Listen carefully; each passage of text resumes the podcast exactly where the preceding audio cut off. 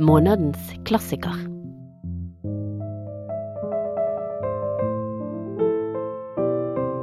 En podkast fra Bergen offentlige bibliotek.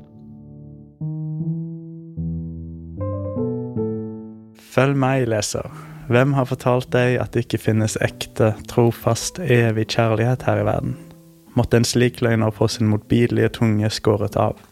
Følg meg, min leser, meg og bare meg, så skal jeg vise deg slik kjærlighet. Nei. Mesteren tok feil i den timen på sykehuset da natten passerte midnatt, og han bittert fortalte Ivanushka at hun hadde glemt ham. Det kunne ikke være sant. Hun hadde selvsagt ikke glemt ham. Aller først skal vi røpe en hemmelighet som mesteren ikke ville røpe for Ivanushka. Hans elskede het Margarita Nikolajevna. Alt som mesteren hadde fortalt om henne til den stakkars poeten, var den rene og skjære sannhet. Hei og velkommen til Månedens klassiker podkast fra Bergen offentlige bibliotek. Mitt navn er Joanna, og jeg jobber som litteraturformidler på Hovedbiblioteket i Bergen. Forestill deg en varm vårdag i en av byens grønne parker. Du er dypt i en samtale med din kollega. Dere snakker om et dikt du har skrevet, og din kollega har noen kritiske tanker han vil dele med deg. Dere setter seg i skyggen på en benk foran damen, men samtalen blir avbrutt av en utenlandsk person. Han introduserer seg som en professor i svart magi, og denne professoren prøver å overbevise dere at han hadde en frokost med Immanuel Kant og vitnet samtaler mellom Jesus og Pontius Pilat. Og disse samtaler beskriver han meget detaljert. Slik begynner 'Mesteren og Margarita', som er vår klassiker i januar. Romanen, som beskrives ofte som en satire med magisk realistiske og metafysiske elementer, er skrevet av en lege og dramatiker Mikhail Bulgakov. Professoren som kommer og avbryter samtalen på Patriarche Prode i Moskva, er ingen annen enn selveste Satan og han gjør livet til utvalgte folk i Moskva meget vanskelig i de dagene som kommer. Boken består av flere tråd og følger flere karakterer, så det er mye å komme seg innom. Og for å diskutere både teksten og biografien til Bulgakov har jeg med meg Ingunn Lunde, professor i russisk på Universitetet i Bergen. Velkommen. Tusen takk. Vi har en slags tradisjon i denne podkasten at vi begynner med et enkelt og vanskelig spørsmål, nemlig hva er klassiker, og hvorfor um, 'Mesteren og Margarita' kan kalles en klassiker? Ja, det er Jeg håper jeg har lov å gi flere svar på hvorfor akkurat denne boken er en klassiker. For det første så skriver den seg på en måte inn selv som en klassiker. Når vi åpner den, så begynner den med et motto eller en epigraf som er hentet fra Goethes Faust, altså en annen klassiker. Så Faust-teksten er jo en tekst som denne boken vår leker med. Og en annen veldig sentral tekst er Bibelen. For påskehistorien, historien om Pontus Pilatus og Jesus um, som blir korsfestet, er en annen tekst som uh, mesteren og Margarita tar inn og opp i seg selv, og samtidig gjør noe med. Det alltid, alltid er litt forvridd og forvrengt i denne boken. Så, så dette med at den skriver seg den, den, pretenderer på en måte til å bli en klassiker ved å skrive seg inn og ta inn i seg andre, andre klassikere i den litterære kanonen. Utover det så er det jo også i tematikken klassiske spørsmål eh, som denne boken handler om. Store spørsmål. Spørsmålet om ondskap og ondskapens natur, f.eks. Veldig viktig, viktig tema. Um, det er en kunstnerroman. Det handler om en forfatter og om en bok som blir til. På en måte så handler boken om seg selv. Og det er en kjærlighetshistorie. Og det er ikke sånn at alle kjærlighetshistorier blir til klassikere. Um, det fins mange eksempler på det motsatte, men her er det det er en helt eksepsjonell kjærlighet. Det er en kjærlighet på liv og død. Det, det, det er den helt, helt store kjærligheten. Og det er også en roman til den frie kunsten, kan vi si. Så, så det er disse temaene som, som ikke er dagligdagse, som er de helt store spørsmålene, som også gjør denne boken til en klassiker. Og dette det er sånn som uh, disse to aspektene jeg nevnte nå først, det er, det er ting som vi kan ta ut av selve boken. Men så er det også noe med konteksten som gjør den til en klassiker. Og da tenker jeg på to ting. Det ene er uh, hvilken posisjon den fikk i det sovjetiske samfunnet. Altså Det er blitt et slags referanseverk for den sovjetiske intelligensiaen, som kunne sitere eh, masse fra denne boken. Mange mange replikker og, og, små setninger og karakteristikker som er blitt munnhell på russisk. Og det er en ganske enestående skildring av veldig mange sider ved den sovjetiske virkeligheten. Og derfor ble den så viktig, også spesielt i sensovjetisk tid. Da skal vi sikkert komme til også hvordan den kom ut i samfunnet, denne boken. Og det fjerde, fjerde svaret mitt, og det fjerde punktet mitt her, det er noe med tid og sted, og kanskje også valg. Eh, det, det er jo av og til litt fristende å, å, tenke litt sånn kontrafaktisk. Hva hadde skjedd hvis?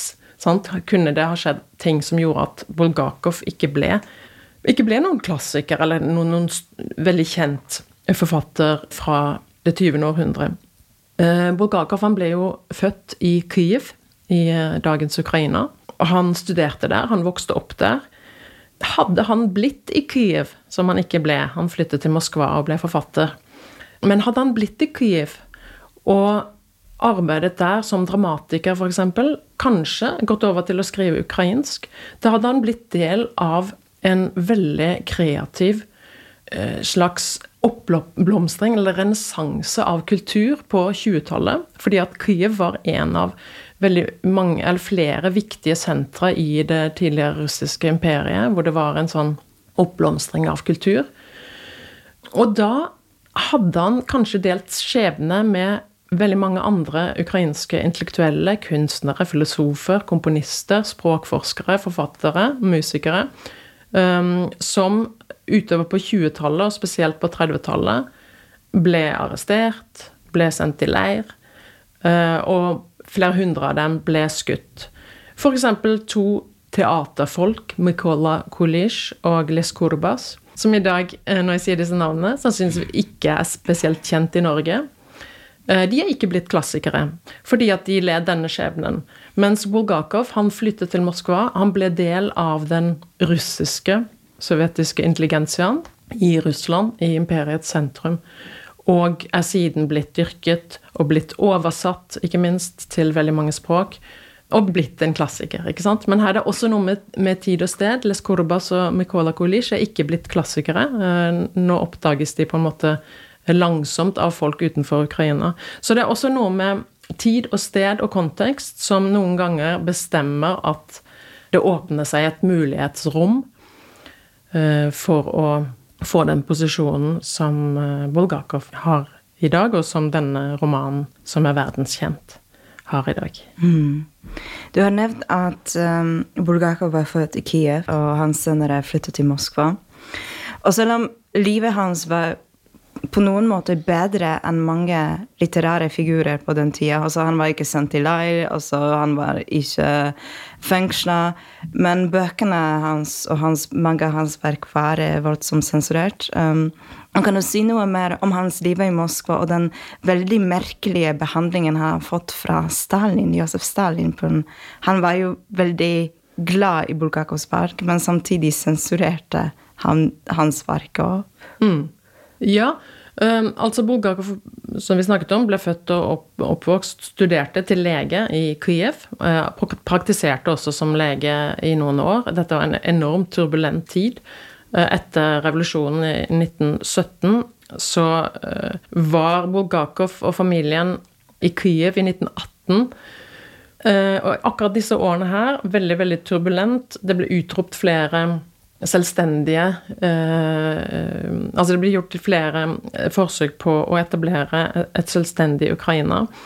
Kyiv ble inntatt gang på gang av forskjellige eh, styrker, fordi at dette gikk over i det man kaller den russiske borgerkrigen, den sovjetiske borgerkrigen, i de årene før bolsjevikene da til slutt tar makten og Sovjetunionen etableres. Og denne tiden har også Bulgakov beskrevet i noen av sine første verker, en kortroman 'Den hvite garde', og ikke minst skuespillversjonen av dette som heter 'Familien Torbins dager'. Som etter sigende skal ha vært Stalins eh, favorittskuespiller. Han skal ha sett det 15 ganger, eller noe sånt. Eh, det ble skrevet da midt på 20-tallet, eh, som var en tid hvor Sovjetunionen var etablert, og man drev en politikk for å bygge opp lokale eliter. Og det betydde eh, at ukrainsk kultur kunne blomstre.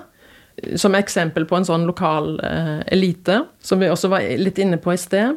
Men i Bulgakovs fremstilling så er det veldig tydelig at han ikke har noen tro på denne ideen om en selvstendig ukrainsk stat. Og det er også en av grunnene til at han er ganske omstridt i dag i Ukraina. Og disse verkene tar også de hvites perspektiv i denne borgerkrigen, altså, hvor de røde, bolsjevikene, kjemper mot de hvite, som er en ganske sånn sammensatt gruppe, men, men f.eks. de som fortsatt har troen på eh, det gamle imperiet. Det var også andre grupperinger her, men, men dette er sånn hovedopposisjonen. ikke sant? Og det ble veldig problematisk i den eh, fremvoksende sovjetiske litteraturdoktrine.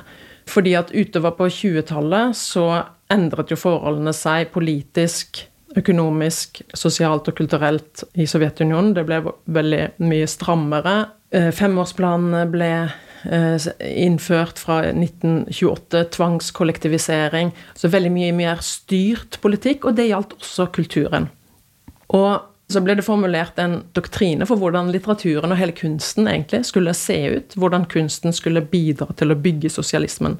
Og der eh, kommer Bulgakov på en måte til kort, fordi hans verker For det første tar noen av disse teaterstykkene og tidlige verkene De hvite sider, f.eks. i borgerkrigen, viser, viser, det perspektivet. Og det var selvfølgelig ikke eh, i tråd med den offisielle eh, med de offisielle retningslinjene, men bare det at man ikke i sin litteratur eksplisitt viser hvordan sosialismen skal bygges. Sant? At ikke man har disse her veldig klare handlingsløpene med en klar helt, og hvor vi alle er på vei mot det eneste saliggjørende, um, nemlig sosialismen.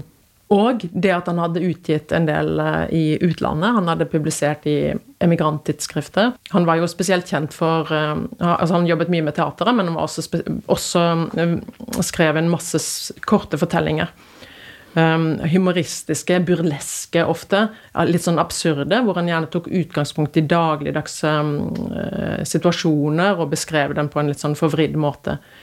Så litteraturen hans var rett og slett ikke i pakt med det som litteraturen burde og skulle være etter den offisielle doktrinen. Så han fikk mer og mer problemer. Så til tross for at Stalin likte eh, spesielt dette teaterstykket, da, så ble også det forbudt, og så ble ikke spilt lenger.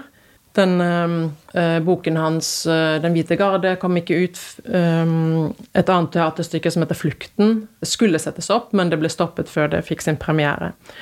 Og da fikk han liksom etter hvert så vanskelige arbeidsforhold at han ba om å få emigrere. Og da er det da at Stalin ringer til ham. Altså dette er en av de legendariske telefonsamtaler i russisk og sovjetisk litteraturhistorie. Vi øh, vet jo ikke akkurat hva som ble sagt, men er, så, slik som jeg har forstått det, så er Bulgakov-forskningen enig i at det faktisk var en telefonsamtale. Og det var ikke uvanlig at Stalin hadde direkte kontakt med forfattere. Uh, og da skal Stalin ha spurt om han virkelig ønsket å emigrere. Og da hadde visstnok da Bulgakov svart at en russisk forfatter må bo i sitt hjemland. Det var kanskje tryggest å si det. Mm. Og så ba han om Alternativet til å emigrere var at han ba om å få en stilling på teatret. Og det fikk han. Så han fikk en stilling. Han var både ved Moskva kunstnerteater, som var et veldig viktig teater på den tiden, og ved Bolsjoj-operaen skrev librettoer og sånt. Så han drev mye med oversettelse og med tilrettelegging for um, Eh, for scenen av eh, klassiske verker og sånt. Og ikke minst så skrev han sin roman 'Mesteren og Margarita' fra 1928 og frem til sin død i 1940. Og han døde naturlig død av nyresvikt.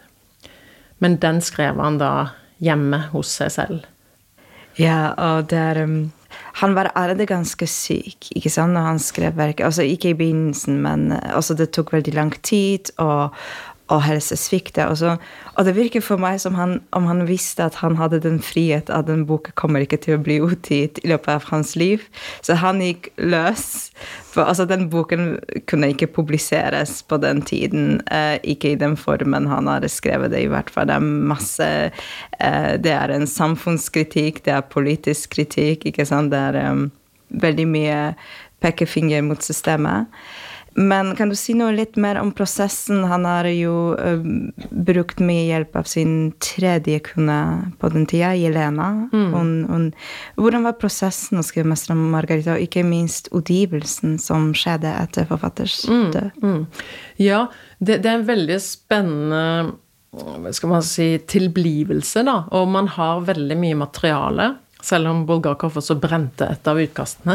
Det er jo sånn Manuskripter brenner ja, ikke. Ja, ikke sant. Så uh, vi har nok bevart til at eh, Bulgakov-forskerne har mm, fortsatt mye å gjøre. Det uh, pågår altså en sånn tekstfilologi som vi egentlig ofte tenker på med veldig gamle tekster, sant? med antikke tekster og middelaldertekster og sånn. Hvor, hvor, du har mange varianter, og du skal prøve å etablere en ferdig tekst, en urtekst.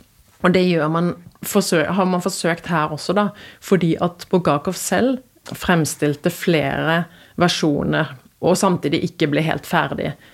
Men allerede i 1928, hvor han begynte, så fins det et utkast på 15 kapitler, et sånt strukturutkast, hvor han på en måte har en idé om hele romanen. Og da er djevelen og de, alt det som handler om djevelen og hans spillopper i Moskva og sånt, det, det, er på en måte det som er mest ferdig. Og som du var inne på, sant, det virker virkelig som man har kost seg med å skrive om alle mulige forbudte ting. Mm -hmm. så jeg har litt tro på den teorien din om at han kanskje visste at dette uansett ikke kunne komme ut. Men han, han leste faktisk opp deler av det for venner. Han var visstnok en fremragende oppleser. Så han hadde jo en interesse om, uh, av at folk visste om den, da. Uh, og så laget han forskjellige ja, så utarbeidet han disse Jerusalem-delene. Det er jo da den delen som handler om Pontius Pilatus. Um, de vokste til etter hvert, det ble utvidet etter hvert, så, så, romanen vokste. Og så laget han flere for så vidt ganske fulle versjoner, men de var jo ikke bearbeidet og redigert. Og det skjer jo veldig mye fra en forfatter har skrevet et utkast, til hun eller han er ferdig med, det, med manuskriptet som sendes inn til et forlag. ikke sant? Så den prosessen Eh, den var på ingen måte ferdig. Så mot slutten, når han ble mer og mer syk og, og, så at dette her måtte han ha hjelp, så fikk han tror jeg først eh, konens søster til å skrive mens han dikterte, men helt på slutten så leste Jelene, hans tredje kone, opp teksten for han mens han dikterte da endringer og redaksjonelle ting og sånt. Så helt til dødsleiet så holdt de på med det, så de ble jo ikke ferdige. Og hun ehm, skal ha lovet ham på dødsleiet at hun skulle sørge for at boken kom ut. Den kom ut, men ganske mye senere. Så den kom ut i årene 1967-68, var det vel, i en um, sensurert Nei, 66-67 var det. I, altså akkurat ved årsskiftet, mm. i to um, utgaver av et tidsskrift. Så derfor disse to årstallene. Det var en sensurert utgave, så det var noen deler der som manglet. Samtidig så begynte disse delene, eller og fullstendige eksemplarer, å sirkulere i det som heter samizdat. Um, altså selvutgivelse. Veldig, veldig viktig uh, slags Man kan nesten kalle det en litterær institusjon i den sensovjetiske tiden. Fordi det var veldig mye som ikke kunne komme ut. Um, og som da enten kom ut i utlandet, da kalte man det tam izdat, altså det som kommer ut der borte, nemlig mm. utenfor landet. Eller sam izdat, som betyr da selv, noe som man uh, produserer selv. Og det ble skrevet på maskin med veldig mange sånn gjennomslagspapir, så man får liksom sånne ganske dårlige trykk. Um, det fantes også kassettutgaver av dette med, med, musikk som ikke kunne komme ut, så, så dette var en stor del av den sensovjetiske virkeligheten. Eh, så dermed så ble da 'Mesteren og Margarita' en roman som veldig mange kjente til, eh, altså den sovjetiske intelligensiaen. Og tidlig på 70-tallet så kom det også en, en, mer eller mindre fullstendig utgave. Kanskje fordi man rett og slett så at den er jo allerede i omløp, i den grad. Eh, men den, den solgte ut på et blunk, denne 66-67-utgaven. Visstnok 150 000 eksemplarer på noen timer. Men var det hele boken altså i to utgaver av en tidsskrift? Ja. Det er ganske vanlig å utgi bøker eh, i tidsskrifter på den tiden. Mm. Eller ikke bare på den tiden, dette er en tradisjon fra 1800-tallet. disse såkalte tjukke tidsskriftene, hvor også Dostojevskijs romaner kom ut i sånne uh, deler, da. Han skrev jo til dels ferdig mens de første kapitlene var kommet ut. Så det er liksom noe som En, en prosesskrivemåte, da. Som en, en annen måte å publisere på. Og så kommer det gjerne ut som bok senere. Det er liksom det vanlige mønsteret, eller var det vanlige mønsteret. Nettopp. Så det er mm. veldig annerledes enn det som vi tenker nå ja. er litterært tidsskrift. Det var, eh, slik jeg forstår det, så var det hele utgaven dedikert til denne utgivelsen. Der var det ikke flere som kommentar og artikler, og det var bare en tidsskriften med, med, de kapitlene? Det, ja, det, det, vet jeg ikke. Det har jeg ikke sjekket. Det kan godt være at det, at det var noen anmeldelser og noe sånt omkring. og for Det er også en sånn viktig kontekst for veldig mye av den russiske og den sovjetiske litteraturen. At den kommer i en sånn kontekst hvor den også ja. diskuteres. da. Men i og med at det er ganske omfangsrikt, så vil jeg tro at de utgjorde det meste av disse to bindene. Men det, det vet jeg slett ikke. Mm. Nei. Eh, men så kom boken rundt 70-tallet i den versjonen vi kjenner den til i dag. Og du har jo nevnt i stad altså Det er veldig mye som skjer. Det er veldig vanskelig å snakke om plottet. Det er egentlig flere plott, flere karakterer. Det er ting som skjer hele tiden. Overlapper masse navn til uh, russiske byråkrater. Men hvis vi kan ta en liten som sammendrag av plottet før vi går videre. Hva skjer i 'Mesteren og Margarit'? ja, det er et, et uh det er vanskelig å, å, sammenfatte veldig kort. Det er kanskje lettere å, å, å ta det litt sånn strukturelt, da, at vi har, vi har, kanskje to romaner inni her, og så har vi en slags tredje handlingsløp. At vi har jo for det første dette med at djevelen, som du nevnte helt i begynnelsen, Våland, professor mm. i sort magi, kommer til Moskva med sitt følge han har noen hjelpere, ganske karakteristiske figurer, de også. Blant annet en stor katt som betaler for seg selv på trikken og oppfører seg på en veldig katteaktig måte. Veldig sånn overlegen katt, men samtidig er den jo veldig menneskelig, da. Og disse kommer til Moskva og driver da med sine Man kan kalle det spillopper, men det er kanskje litt for tamt uttrykk.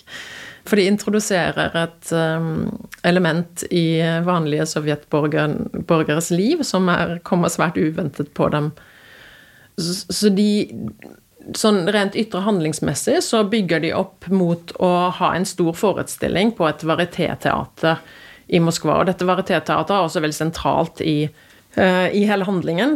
Mange av karakterene er knyttet til dette teateret, og en av dem bor uh, i en spesiell leilighet i Moskva, leilighet nummer 50 som eh, også er veldig sentralt åsted, da, som etter hvert da går over til å bli åsted for um, ganske usedvanlige ting, f.eks.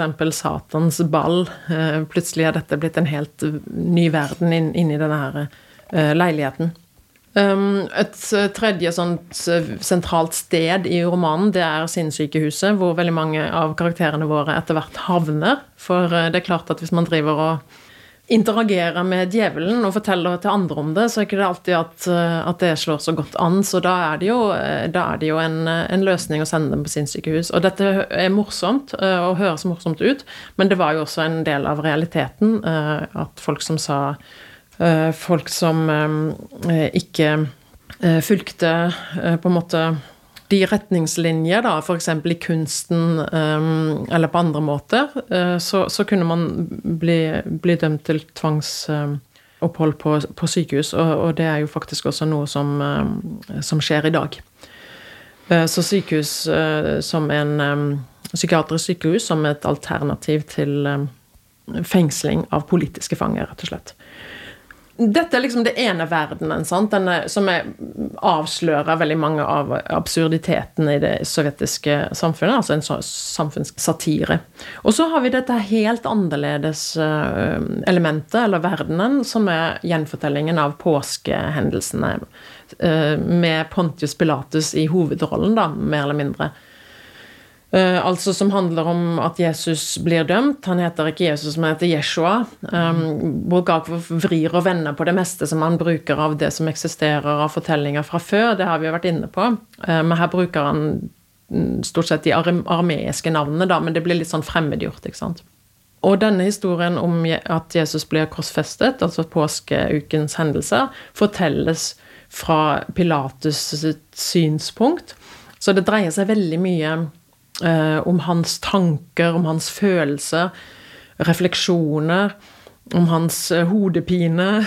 Men man går liksom inn i hans hode da, og ser alt dette fra hans, eh, hans posisjon.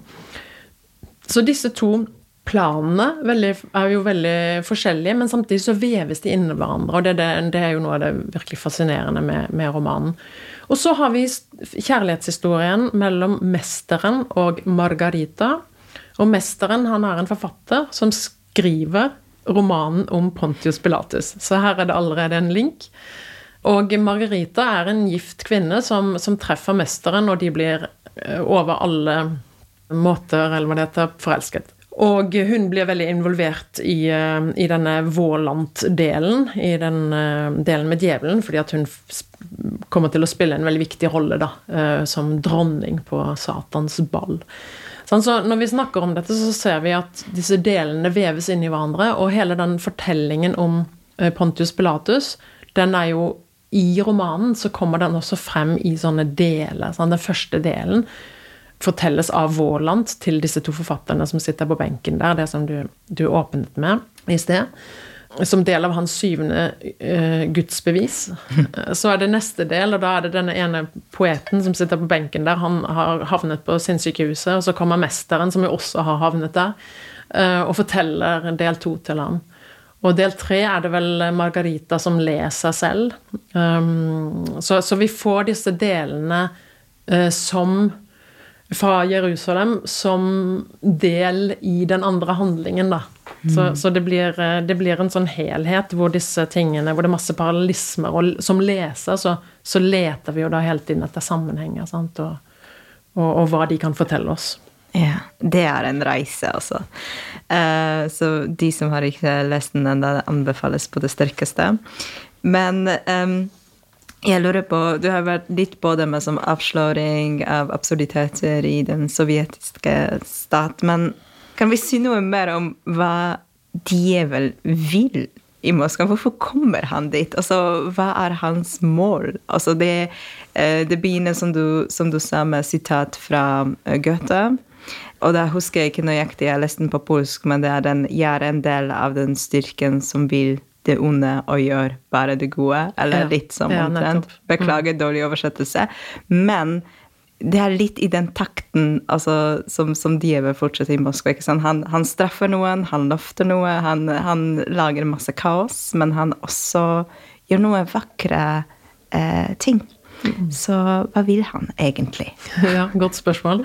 Det er jo inne på det. sant? Han eh, han bruker mye av sin uh, væremåte og sin, uh, sine konfrontasjoner med, med, enkeltpersoner og med grupper til å avsløre um, sider ved, ved, det sovjetiske samfunnet, sånn byråkrater, um, boligproblemer, lunken aprikossaft Altså alle sånne her Fra det enkleste dagligdagse til, til de alvorlige tingene. Svartebørs, valuta Oppdragsdiktning, eh, som, eh, som, som, romanen begynner med.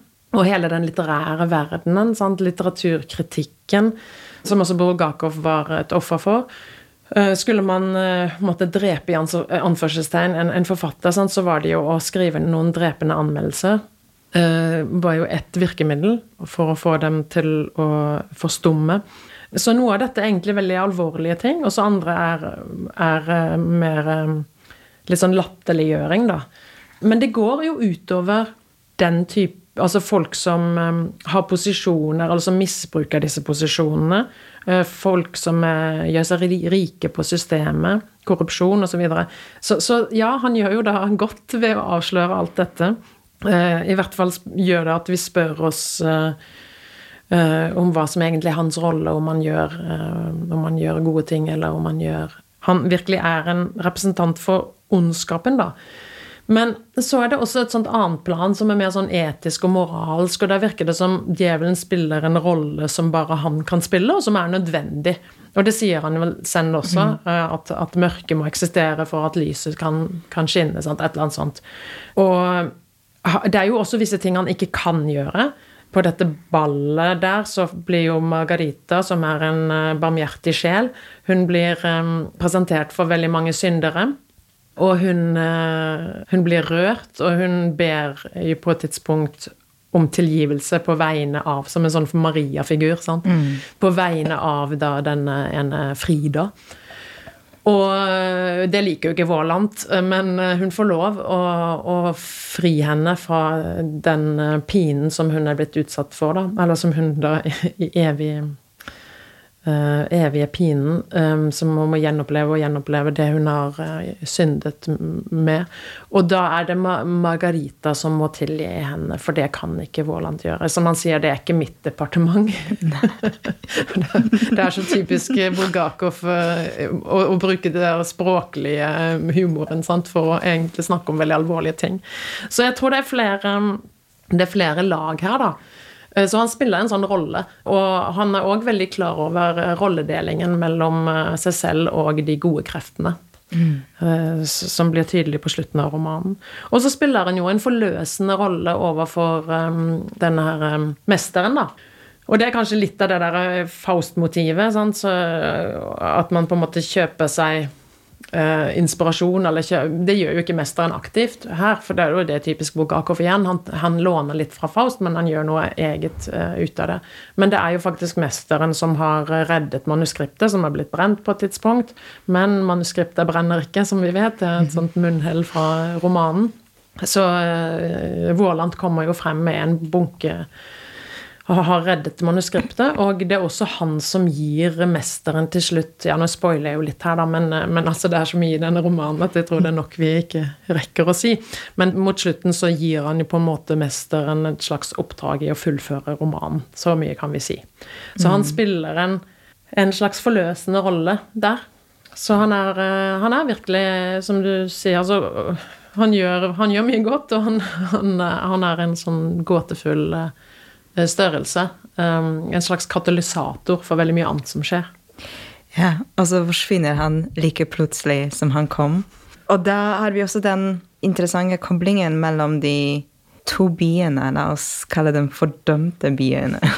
Pontius Pilatus, som hater Jerusalem, og Moskva, som blir et sted hvor mesteren og Margarita får ikke oppleve den kjærligheten eh, som på den måten de vil, og hvor eh, kunstene er ikke frie til å skrive det de, de vil. Og det er også en slags det er også en zombi som, som, straffes, på en måte. Så vi har Moskva på ca. 30-tallet, altså 1930-tallet, og Jerusalem la oss si på ca. 30-tallet, altså den tiden når Jesus dør. Og så har vi en storm, ikke sant? en storm i Jerusalem, og en storm i Moskva som også er en slags kobling. Men hvorfor disse to byene? Hvordan, hvordan kobler Bulgakov de sammen, egentlig? Hva slags ja, kobling har de der? Uh, ja, de um, Du har disse her motivene som, som er litt sånn symbolske, sånn, som du er inne på med stormen, og det litt sånn apokalyptiske, da, og, og begge byene har jo litt det i seg. Moskva har vi også disse her gamle teoriene om uh, Moskva som det tredje Rom og sånn. Uh, altså en sånn evig by, på en måte. Uh, og det samme med Jershalheim. Så de kobles sammen gjennom disse her, alle disse her parallellismene, og spesielt det tidsmessige, da, at det foregår på samme tid, samtidig som det er 2000 år imellom. sant? På samme tid, altså onsdag til søndag i påskeuken. Dette med Moskva, eh, tidlig 30-tallet, eventuelt slutten av 20-tallet, det er mm. faktisk litt sånn omdiskutert, fordi at man mm, Det blir bare verre og verre, sant. Og det er noe med at Bulgakovs stil i måten å beskrive dette på, fortsatt har den der sånn Han har jo denne lekenheten som kanskje hører mer 20-tallet til, da. Um, men, men noe, noe, der omkring, ja.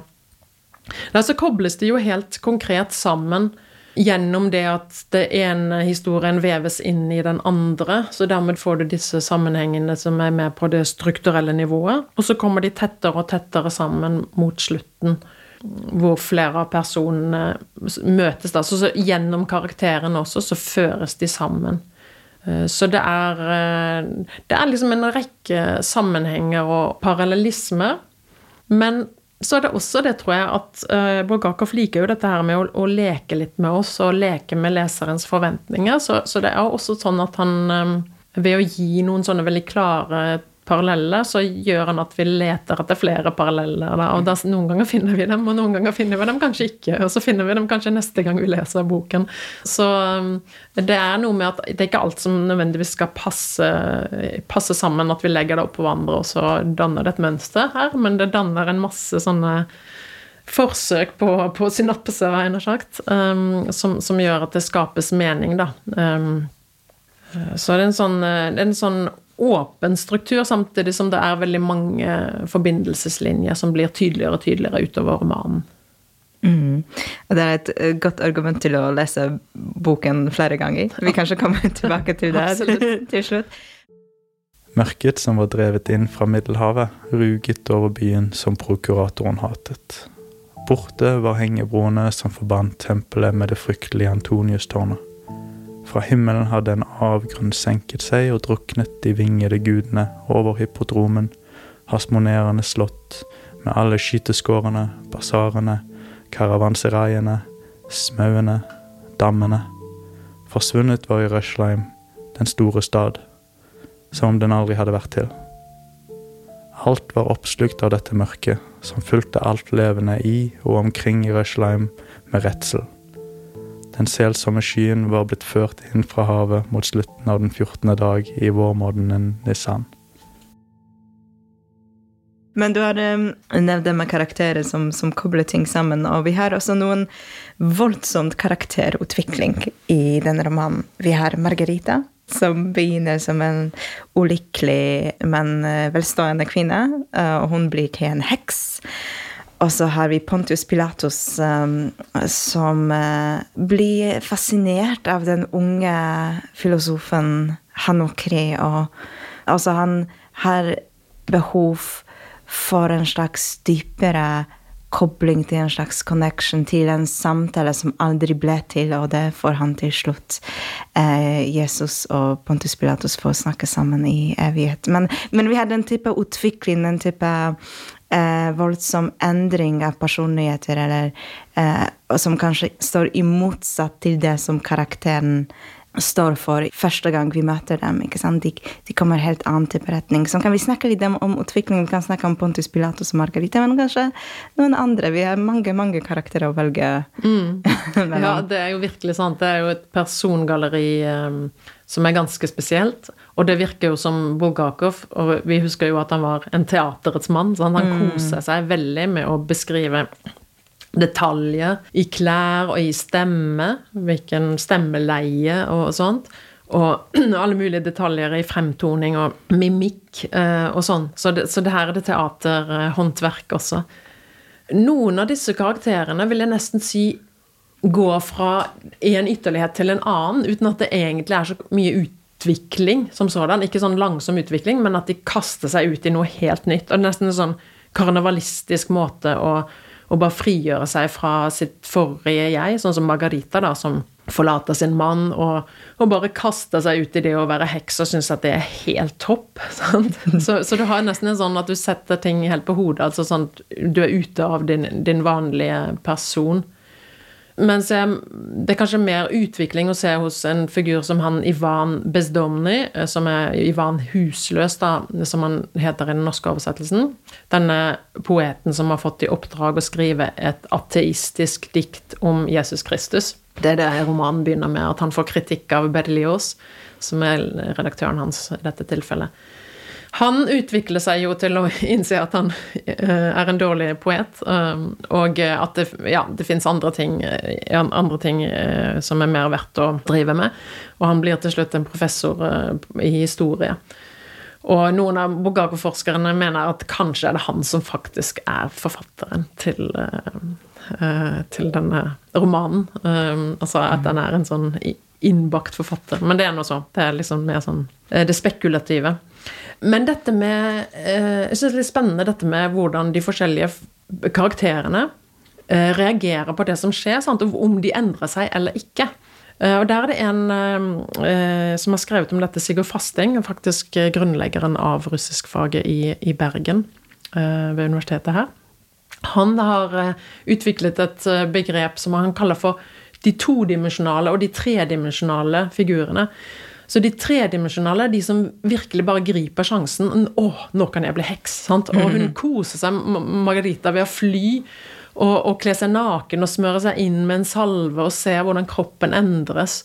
Og, og hun, hun, virkelig kaster seg ut i dette med liv og lyst. Og det samme gjelder hennes tjenestepike Natasha, sant? som også bare Yes, dette vil jeg! Og stakkars nabo. og stakkars nabo, nettopp. For han er en sånn todimensjonal figur, da. Og han blir jo stakkars omformet til en flyvende gris.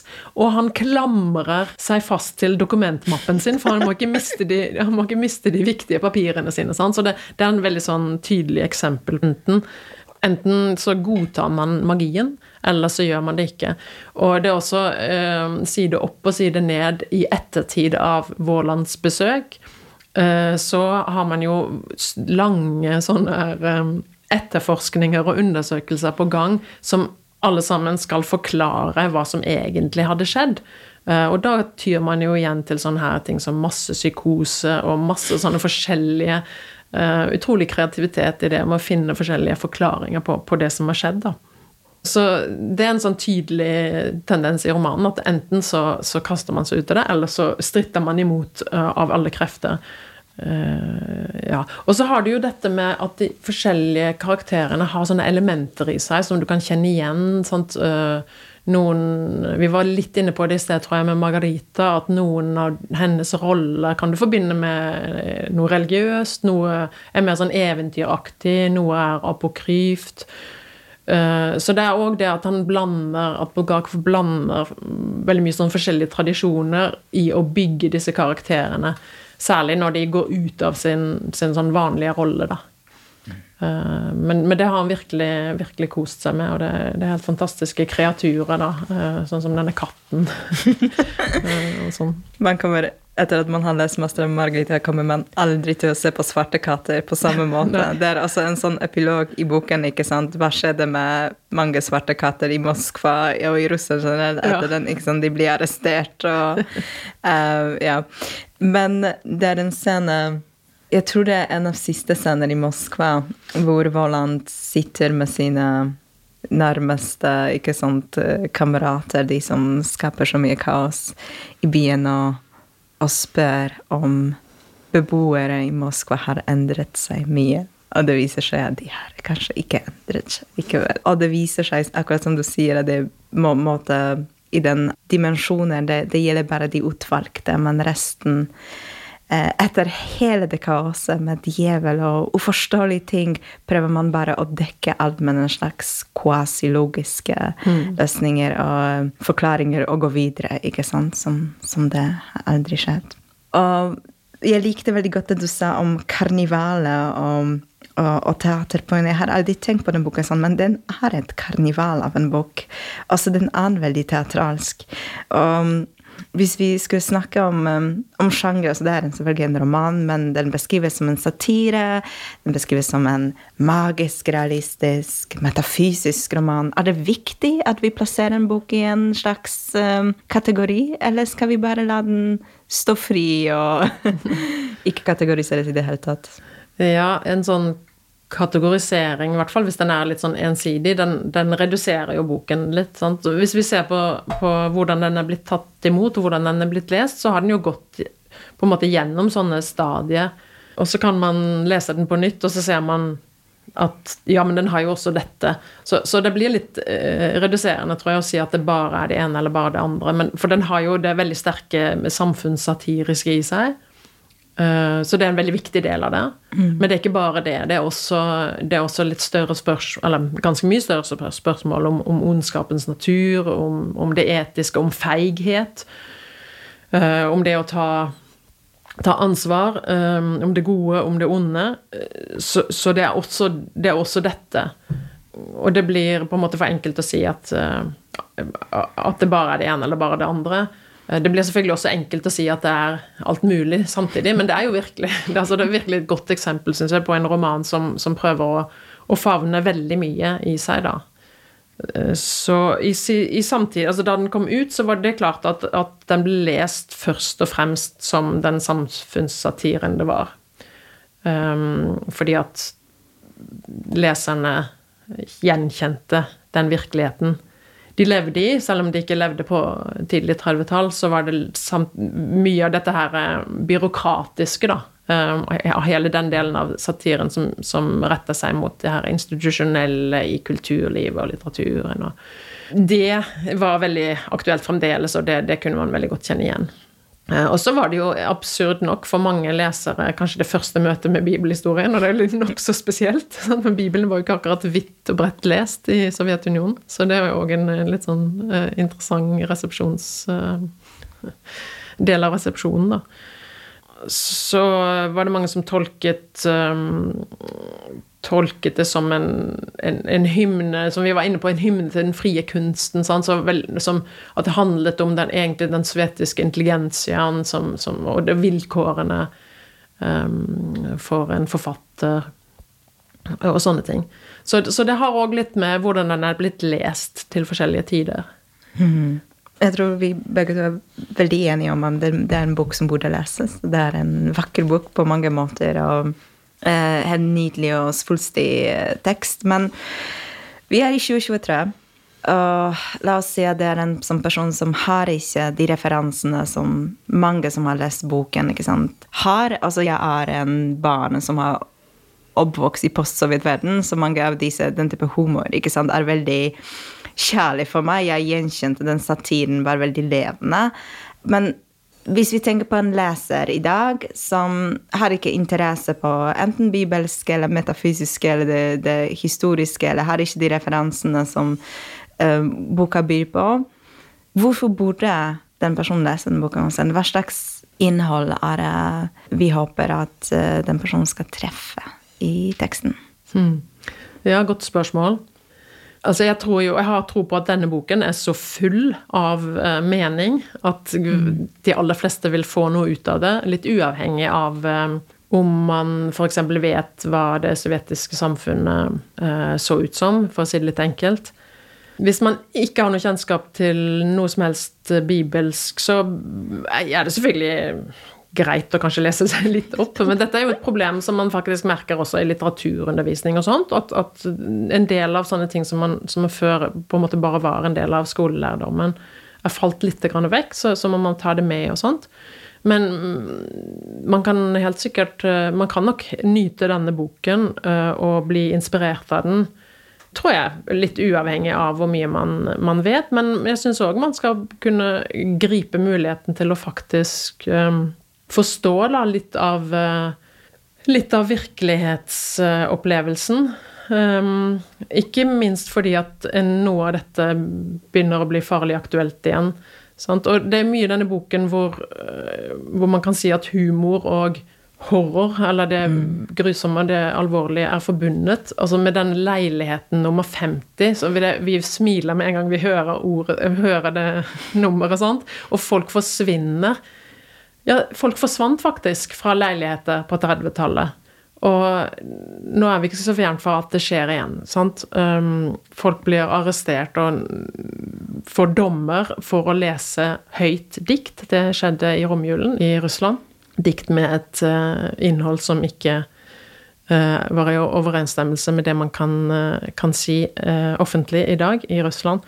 Så det er mye i denne boken som på en tilgjengelig måte, tross alt, kan vekke folk litt. Og kanskje inspirere og invitere til at man følger med på hva som skjer, um, skjer i, i, Russland i dag. Hmm. Ja, det var godt oppsummert. En evig aktuell bok. Eh, tusen takk til Ingunn Lunde, professor i russisk på Universitetet i Bergen, som hjelper oss å ta en dypdykk i 'Mesteren og Margarita'. Men vi er ikke ferdig. Det er månedens klassiker, som vi fortsetter å diskutere boken hele måneden. 30. januar inviterer vi til en samtale, panelsamtale om boken. Og 31. Eh, januar har vi en åpen lesesirkel som alle kan være med på for å snakke om boken. Takk, Ingunn, for at du kom. Takk for meg.